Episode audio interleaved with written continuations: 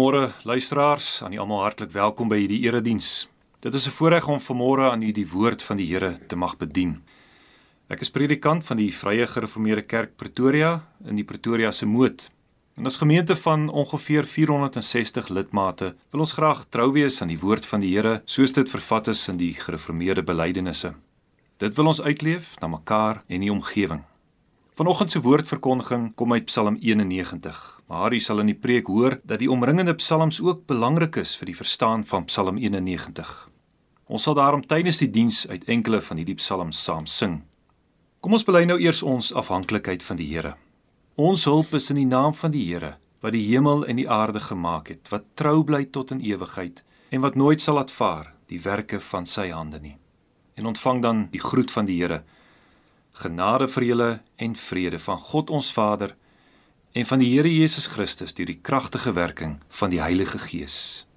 Amen. Kom ons prys nou die Here met die woorde van Psalm 89 vers 2.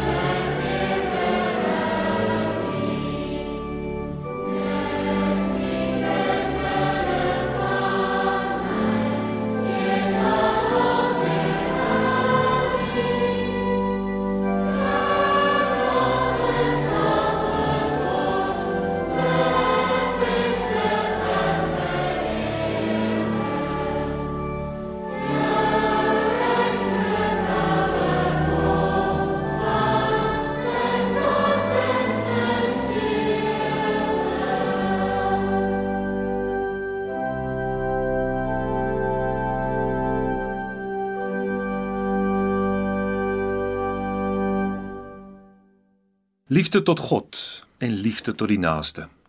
Dit is die Here Jesus se samevatting van die wet. Maar om hierdie liefde konkreet te maak, kom ons luister na die 10 gebooie soos wat ons dit vind in Eksodus hoofstuk 20.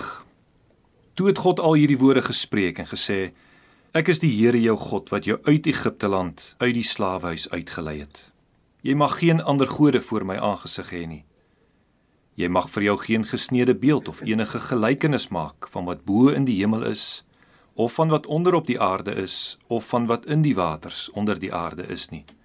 Jy mag jou voor hulle nie neerbuig en hulle nie dien nie, want ek, die Here jou God, is 'n jaloerse God wat die misdaad van die vaders besoek aan die kinders, aan die derde en aan die vierde geslag van die wat my haat. En ek bewys barmhartigheid aan duisende van die wat my liefhet en my gebooie onderhou. Jy mag die naam van die Here jou God nie ydelik gebruik nie want die Here sal die een wat sy naam ydelik gebruik nie ongestraf laat bly nie. Gedenk die Sabbatdag dat jy dit heilig. Ses dae moet jy arbei en al jou werk doen. Maar die sewende dag is die Sabbat van die Here jou God, dan mag jy geen werk doen nie. Jy of jou seun of jou dogter of jou dienskneg of jou diensmaagd of jou vee of jou vreemdeling wat in jou poorte is nie. Want in 6 dae het die Here die hemel en die aarde gemaak, die see en alles wat daarin is en op die sewende dag het hy gerus. Daarom het die Here die Sabbatdag geseën en dit geheilig. Eer jou vader en jou moeder dat jou dae verleng mag word in die land wat die Here jou God aan jou gee. Jy mag nie doodslaan nie. Jy mag nie egbreek nie. Jy mag nie steel nie. Jy mag geen valse getuienis teen jou naaste spreek nie. Jy mag nie jou naaste se huis begeer nie. Jy mag nie jou naaste se vrou begeer nie, of sy dienskneg of sy diensmaagd of sy os of sy esel of iets wat van jou naaste is nie. Kom ons bid nou saam. Vader in die hemel, dankie dat U ons nadat U ons verlos het, nie aan ons lot oorgelaat het nie. Dankie dat U ons leer hoe om lief te hê. U lief te hê en ons naaste lief te hê. Gee ons die krag van die Gees om dit te doen. Dat ons nie net hoorders van die woord sal wees nie, maar daders. en vergewe ons waar ons dit nagelaat het.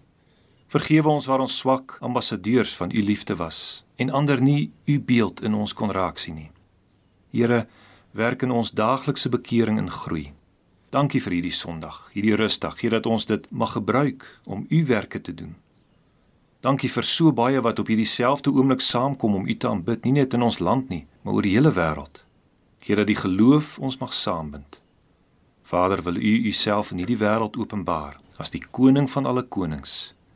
En gee dat meer en meer mense voor u en u wil sal buig. Sien ons nou as ons u woord gaan lees en daarna gaan luister. Openbaar uself aan ons om Christus wil. Amen. Luisteraars, voordat ons die woord oopmaak, kom ons sing eers uit Psalm 90 vers 1 en vers 9.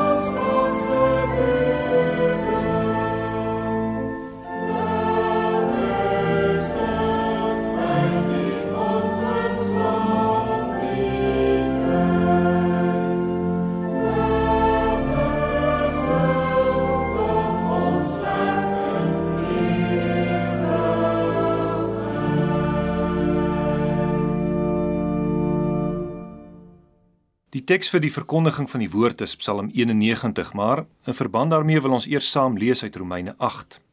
Romeine 8 en ons lees daar die verse 31 tot en met 39 waar Paulus die volgende skryf: Wat sal ons dan van hierdie dinge sê?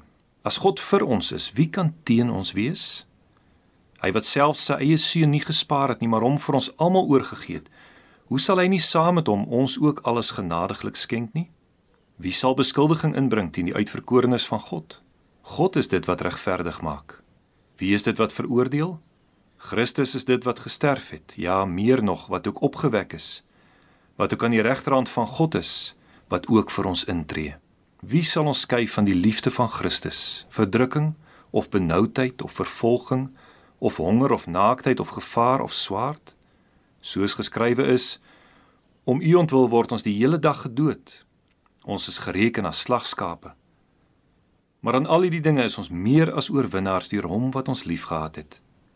Want ek is verseker dat geen dood of lewe of engele of owerhede of magte of teenwoordige of toekomende dinge of hoogte of diepte of enige ander skepsel ons sal kan skei van die liefde van God wat daar in Christus Jesus ons Here is nie. En kom ons lees nou saam Psalm 91 die teks vir die prediking. Hy wat in die skuilplek van die Allerhoogste sit, sal vernag in die skaduwee van die Almagtige. Ek sal tot die Here sê, my toevlug en my bergvesting, my God op wie ek vertrou. Want hy is dit wat jou sal red uit die net van die voëlvanger, van die verderflike pes. Hy sal jou dek met sy vlerke en onder sy vleuels sal jy skuil. Sy trou is 'n skild en panser. Jy hoef nie te vrees vir die skrik van die nag, vir die pyl wat bedags vlieg nie, vir die pes wat in die donker wandel, vir die siekte wat op die middag verwoes nie. Al val daar 1000 aan jou sy en 10000 aan jou regterhand, na jou sal dit nie aankom nie. Net met jou oë sal jy dit aanskou en die vergelding van die goddelose sien. Want U Here is my toevlug. Die Allerhoogste het jy jou beskutting gemaak. Geen onheil sal jou tref en geen plaag naby jou tent kom nie, want hy sal sy engele aangaande jou bevel gee om jou te bewaar op al jou weë. Hulle sal jou op die hande dra sodat jy jou voet teen geen klip stamp nie. Op die leeu en die adder sal jy trap, die jong leeu en die slang vertrap. Omdat hy my liefhet, sê God, daarom sal ek hom red. Ek sal hom beskerm omdat hy my naam ken. Hy sal my aanroep en ek sal hom verhoor. In die nood sal ek by hom wees. Ek sal hom uitred en eer aan hom gee. Met lengte van dae sal ek hom versadig en ek sal hom my heil laat sien. Nou geliefdes, 'n groot deel van hierdie pragtige Psalm lees in die woorde van 'n kommentator waarop ek in my voorbereiding afgekom het, amper soos 'n versekeringspolis. Vertrou op die Here, vers 2. En hy gee aan jou dekking teen die volgende gebeurlikhede. Teen valstrikke, vers 3a. Teen die pes, vers 3b teen gevare in die nag vers 5a, teen pile in die dag vers 5b en teen siekte vers 6. Maar dis nog nie al nie. Ook jou huis word gedek deur hierdie versekering want vers 10 geen plaag sal naby jou tent kom nie. En daar is selfs gewapende reaksie want die engele sal jou beskerm op jou pad en teen enige wilde diere verse 11 tot 13. Sonder enige van die fynskrif word ons in vers 10 verseker geen onheil sal jou tref nie. 'n Goeie bemarkingskonsultant sal Psalm 91 sonder al te veel moeite kan omwerk na 'n oortuigende advertensie vir 'n versekeringsmaatskappy. Die enigste probleem is dat die lewe helaas nie so werk nie, want ons word siek. Ons huise is nie altyd veilig nie en ons paaie is nie altyd sonder ongelukke nie. In die praktyk werk dit nie letterlik so dat 1000 aan jou sy en 10000 aan jou regterhand val, maar dat die siekte na jou nie aankom nie, vers 7. Hierdie Psalm, hoe mooi ook al, konfronteer ons daarom met 'n raaisel. En dit is nie die raaisel van die vergelding van die goddelose nie soos wat vers 8 ons vertel. Maar dit is eerder die raaisel van die voorspoed van die goddelose en die teëspoed van die gelowige. Dis 'n raaisel waarmee Job in sy lewe geworstel het. Dis 'n raaisel waarmee Asaf in Psalm 73 worstel, dis 'n raaisel waarmee baie van ons vandag nog steeds worstel. Hoe moet ons dan Psalm 91 verstaan in die lig van hierdie raaisel? Die beste manier hoe ons na my mening aan Psalm 91 reg kan doen is om dit te lees in die breër konteks van die hele Psalmboek en vervolgens ook in die lig van die Nuwe Testament. Ons is naamlik gewoond daaraan om die psalms op hulle eie te lees as los liedere nie waar nie. Dis nie onmoontlik nie, is nie verkeerd nie, maar ons moet onthou dat die Psalmboek nie net 'n los saamraapsel van 'n klomp aparte liedere is nie. Nee, die Psalmboek is baie bewustelik en noukeurig saamgestel. Behalwe die 150, kom ons noem hulle mikrodeeltjies, al die afsonderlike psalms, het die Psalmboek ook 'n makrostruktuur met 'n duidelike verloop en ontwikkeling vanaf Psalm 1 tot by Psalm 150.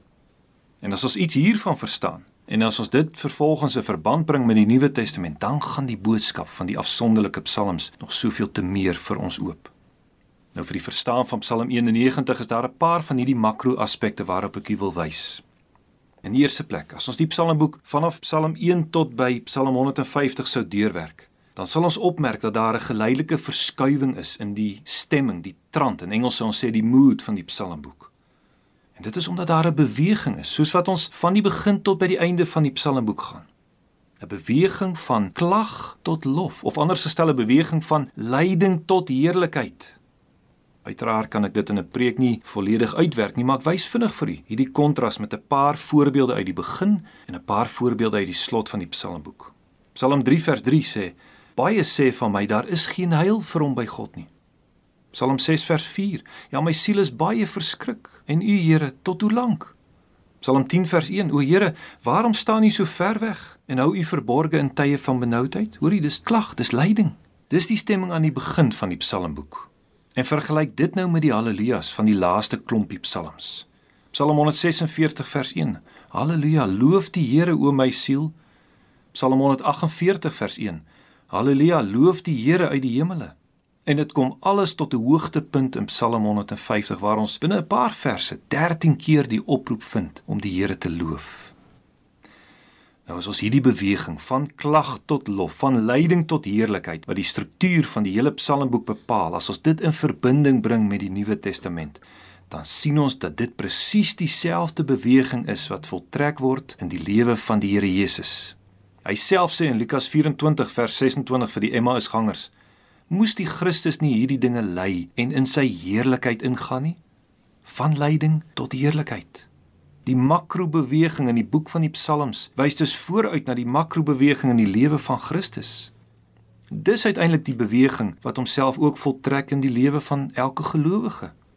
Ook ons lewens beweeg van lyding tot heerlikheid. Want sê Paulus in Romeine 8 vers 18, ek reken dat die lyding van die teenwoordige tyd nie opweeg teen die heerlikheid wat aan ons geopenbaar sal word nie.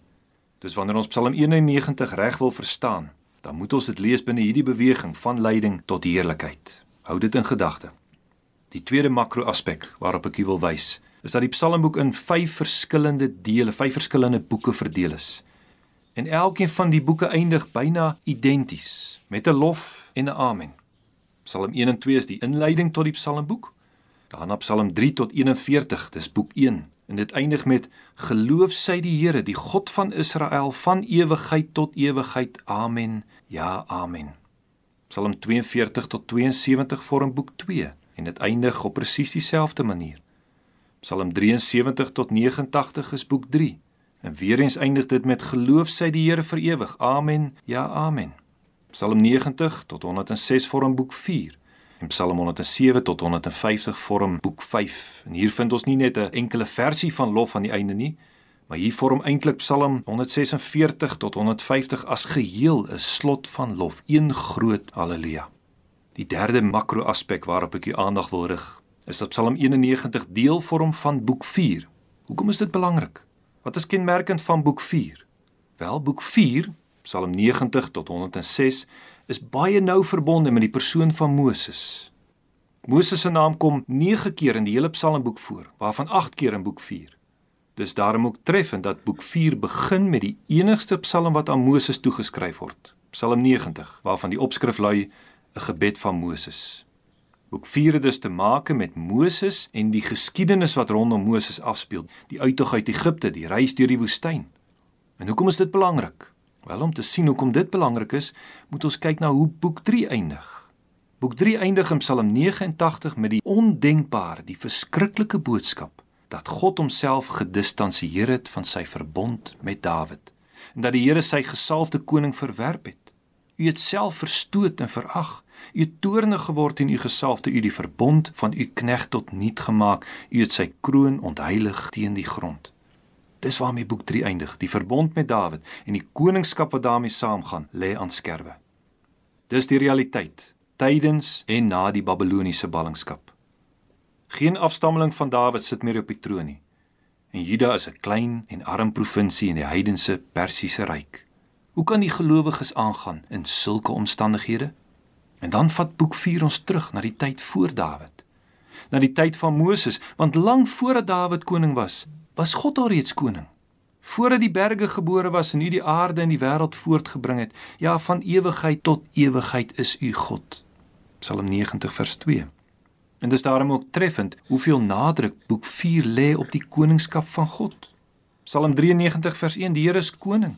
Psalm 95 vers 3 want die Here is 'n groote God. Ja, groot koning bo al die gode. En gaan kyk maar self in Psalm 96, 97, 98, 99. God regeer. Ook al het daar van die koningshuis van Dawid skynbaar niks oorgebly nie. God is in beheer ten spyte van alles wat die teendeel wys. Die Here is koning. Hy was dit lank voor Dawid, hy sal dit lank na Dawid wees. En soos enige goeie koning, beskerm God sy onderdane. Hy is vir hulle 'n toevlug en 'n beskutting. Dit is so besonder om hierdie twee aspekte God se koningskap en sy beskerming verweef met mekaar in die struktuur raak te sien tussen en rondom al die koningspsalms wat ek sopas aangehaal het, kry ons die psalms wat gaan oor God se beskerming. Psalm 90 vers 1. Here, U was vir ons 'n toevlug van geslag tot geslag. Psalm 91 vers 1 en 2. Hy wat in die skuilplek van die Allerhoogste sit, sal vernag in die skaduwee van die Almagtige. Psalm 94 vers 22. Maar die Here is 'n rotsvesting vir my en my God die rots van my toevlug. Die koningspsalms en die toevlugpsalms is op 'n besondere wyse in mekaar ingeweef.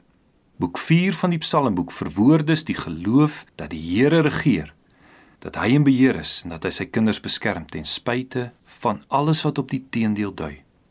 En hierdie geloof, en dis die vierde en laaste makro aspek waarop ek u wil wys. Hierdie geloof in die koning wat ewig regeer, wat so uitstaande kenmerk van boek 4 is, gaan in boek 5 oor in die hoop en die verwagting dat hierdie koning op pad is. Waar boek 3 eindig met die stukkende verbond met koning Dawid en boek 4 spreek van geloof in hom wat van ewigheid af koning is, vertel boek 5 dat hierdie koning op pad is. Dink aan Psalm 132 vers 11. Die Here het aan Dawid gesweer in waarheid. Hy sal daarvan nie terugkom nie. Van die vrug van jou liggaam sal ek laat sit op jou troon. En ook verse 17 en 18 van daardie selfde Psalm, daar sal ek vir Dawid 'n horing laat uitspruit. Ek het vir my gesalfde 'n lamp toeberei. Ek sal sy vyande met skaamte beklee, maar op hom sal sy kroon skitter. Hoe pragtig sien ons nie die vervulling van hierdie woorde in Lukas 1 nie, waar Sagarias sing: "Geloof sy die Here, die God van Israel." omdat hy sy volk besoek het en vir hulle verlossing teweeggebring het en 'n horing van heil vir ons opgerig het in die huis van Dawid sy knegg. Maar die Here is trou. Die koning het gekom. En daardie koning is niemand anders nie as die Messias, die Here Jesus Christus.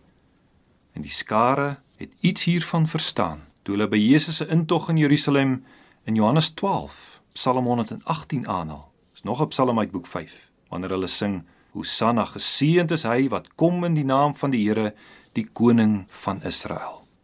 Ja Jesus Christus is ten diepste die vervulling van die hele Psalmboek. Hy is die koning wat vir sy volke toevlug en 'n skuilplek is. Hy beskerm hulle op die pad van lyding tot heerlikheid. Nou geliefdes, alles wat ek tot dusver gesê het oor die makrostruktuur, die oorhoofse boodskap van die Psalmboek vorm die onmisbare agtergrond waarteen ons Psalm 91 moet lees. Psalm 91 is nie 'n versekeringspolis wat my dek teen enige siekte of seer kry of ongeluk nie. Ek is bevrees dit is wat hierdie Psalm word wanneer ons dit in isolasie lees. Nee, Psalm 91 gaan oor die groot koning, die ewige koning, Jesus Christus wat voor Dawid was en tot in ewigheid na Dawid sal regeer. Dit gaan oor hierdie koning wat sy kinders beskerm op die pelgrimspad wat loop van lyding tot heerlikheid. Jesus Christus staan waarborg dat die pad van lyding waarop die kinders van die Here moet gaan, nie doodloop in die net van die voëlvanger of in siekte of in die pes of deurdat jy op jou pad oor klippe struikel of omdat jy deur die wilde diere gedood word nie. Of in vandag se terme Jesus Christus staan waarborg dat die pad van lyding waarop ook ons vandag dikwels moet gaan, nie doodloop in siekte, in kanker of in 'n motorongeluk of in 'n oorval in ons huis of in moord of in 'n plaasaanval of in 'n finansiële krisis nie. Geen een van die gevare en bedreigings wat in verse 3 tot en met 13 van Psalm 91 genoem word en geen een van die gevare van ons eie tyd kan verhinder dat ons lydensweg op aarde uiteindelik uitloop op 'n onbeskryflike heerlikheid nie. Dis die waarborg wat die koning gee. En daarom kan ons saam met die digter ons geloof in hierdie koning bely. Tweemaal in Psalm 91 vind ons so 'n belydenis. Eers in vers 2: Ek sal tot die Here sê, my toevlug en my bergvesting, my God op wie ek vertrou. En dan ook weer in vers 9, want u Here is my toevlug. En elke keer volg daar na hierdie belydenis, nie 'n nie polis dokument nie, maar volg daar die betroubare beloftes van die Here. Wanneer ons by hom skuil, wanneer hy ons toevlug is, dan is die pad, die voortgang van lyding tot heerlikheid, hoe moeilik en hoe swaar ook al, onstuitbaar. Niks kan keer dat ons die heerlikheid waarin ons as gelowiges op pad is, bereik nie. En dan verstaan u waarskynlik ook dat dit nie beteken dat daar niks met ons sal gebeur nie. Die lewe van Moses en die lewe van Dawid en die lewens van die ander psalmdigters bewys dit vir ons. Daar was in hulle lewens swaar kry, daar was siekte, daar was vervolging, daar was eensaamheid, daar was lewensgevaar. Die oomblik wanneer ons Psalm 91 uit die geheel van die Psalmboek uitlig en dit los lees en dit vervolgens slegs toepas op ons eie lewens hier en nou, dan word ons gekonfronteer met die raaisel waarvan ek in die begin gepraat het. Maar as ons Psalm 91 lees in die lig van die Christense pelgrimstog, hierdie lewenspad waarop ons tans is en wat deurgaan en wat oorloop in die ewige lewe, dan begin ons verstaan dat dit met die goddelose nie regtig so goed gaan soos wat dit dikwels vir ons mag lyk nie. want let dan op hulle einde. En wat is hulle einde? Die einde van die goddelose is hulle vergelding. Psalm 91 vers 8. Net met jou oë sal jy dit aanskou en die vergelding van die goddelose sien.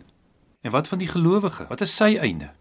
Wel, die Here self vertel dit vir ons wanneer hy vanaf vers 14 die woord neem, omdat hy my liefhet, sê God sal ek hom red. Ek sal hom beskerm, ek sal hom verhoor, ek sal by hom wees, ek sal hom uitred. Ek sal eer aan hom gee. En dan die hoogtepunt in vers 16: Met lengte van dae sal ek hom versadig en ek sal hom my heil laat sien. Dis die ewigheidsperspektief waarvan ons Psalm 91 lees. Die pad van lyding tot heerlikheid bring ons uiteindelik by lengte van dae, ewige lewe by die Here en heil, verlossing van alle sonde en nood en pyn. En ja, dan gaan ons op hierdie pad soms deur moeilike tye gaan. En dan gaan siekte wees of dalk gaan daar in jou huis ingebreek word en met verloop van tyd gaan ons almal een vir een sterf. Maar die gang van lyding tot heerlikheid kan nie gekeer word nie. Daarom is Romeine 8 wat ons saam gelees het so belangrik om saam met Psalm 91 te lees. Romeine 8 is die vervulling en die Nuwe Testamentiese weergawe van Psalm 91 Psalm 91 sê hy sal jou red uit die net van die voëlvanger van die verderflike pes. Jy hoef nie te vrees vir die skrik van die nag, vir die pyl wat bedags vlieg nie, vir die pes wat in die donker wandel, vir die siekte wat op die middag verwoes nie. Geen onheil sal jou tref, geen plaag naby jou tent kom nie. Jy sal jou voet nie teen 'n klip stamp nie, op die leeu en die adder sal jy trap, die jong leeu en die slang vertrap. Dit alles moet ons lees in die lig van die oorwinning van Christus in Romeine 8. Wie sal ons skei van die liefde van Christus? Verdrukking of benoudheid of vervolging? of honger of naaktheid of gevaar of swaard. En al hierdie dinge is ons meer as oorwinnaars deur hom wat ons liefgehad het. Ek is daarom versekerd dat geen dood of lewe of engele of owerhede of magte of teenwoordige of toekomende dinge of hoogte of diepte of enige ander skepsel ons sal kan skei van die liefde van God wat daar in Christus Jesus is nie. Niks kan ons skei van God se liefde nie. Niks kan ons pad na die heerlikheid stuit nie. Laat ons daarom in hierdie tyd nie rondhardloop soos die wêreld om ons heen nie. Laat ons nie in vrees lewe nie. Diegene wat vir die hier en die nou lewe, hulle is bang. Dis daardie mense wat nie verstaan dat die lewe nie voortdurende voorspoed inhou nie, maar 'n pad is van lyding na heerlikheid. Dis hulle wat paniekerig rondhardloop. Maar die Christen behoort van beter te weet. Ons weet van lyding in hierdie lewe, maar ons hoop op die heerlikheid waarin ons op pad is. En op die pad daarheen, op die pad van lyding tot heerlikheid, skuil ons by die Allerhoogste en vernag ons in die skaduwee van die Almagtige. Psalm 91 vers 1. Op die pad daarheen vertrou ons op ons God en maak ons van hom ons toevlug en bergvesting vers 2. En dit doen ons deur naby die Here te bly. Naby sy woord. Immers so leer ons die naam van die Here ken vers 14. En in gebed deur hom aan te roep in die nood vers 15. Dit doen ons deur die Here te soek in die eredienste, ywerig met die gemeente saam te kom Die beste plek vir die Christen in hierdie tyd is in die kerk, saam met die volk van die Here. Die beste plek vir die Christen in hierdie tyd is in die woord, persoonlik en gesamentlik. Die beste plek vir die Christen in hierdie tyd is in die gebed, alleen maar ook saam. So skuil ons by die Allerhoogste. So vernag ons in die skaduwee van die Almagtige Koning. Laat ons mekaar met hierdie psalm bemoedig. Die Here is koning. Niks kan hom keer nie en dieselfde geld vir elkeen wat by hom skuil. Daarvoor het jy geen versekeringspolis nodig nie. Daarvoor ontvang jy die beloftes van die Here wat in Christus ja en amen is. Amen. Kom ons bid saam. Here Vader in die hemel, baie dankie dat U vir ons wys dat ons lewenspad van lyding na heerlikheid toe loop en dat niemand en niks dit kan stuit nie. Want U, die koning, waarborg dit. Gee dat ons daarom nie vaskyk in die lyding van die teenwoordige tyd nie, maar rig ons oë op die toekoms waarin ons op pad is. Skenk hierdie perspektief aan ons land ook. Sorg vir die mense van hierdie land. Sorg vir ons regering. Gee hoop, gee uitsig deur die evangelie. Gee daarom dat u kerk getrou sal wees in die uitdra van die evangelie dat ons ons nie sal skaam vir hierdie wonderlike boodskap van hoop nie. Ons bid u dit in Christus se naam. Amen. Kom ons sluit af met die woorde van Psalm 91. Ons sing saam Psalm 91 die verse 1 en 8.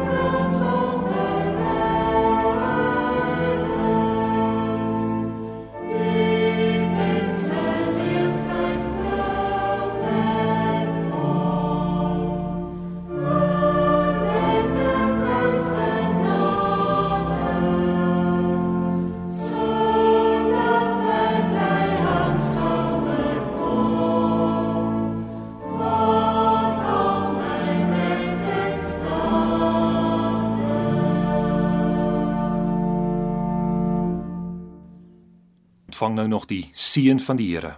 Die genade van ons Here Jesus Christus en die liefde van God ons Vader en die gemeenskap van die Heilige Gees is en bly met julle almal.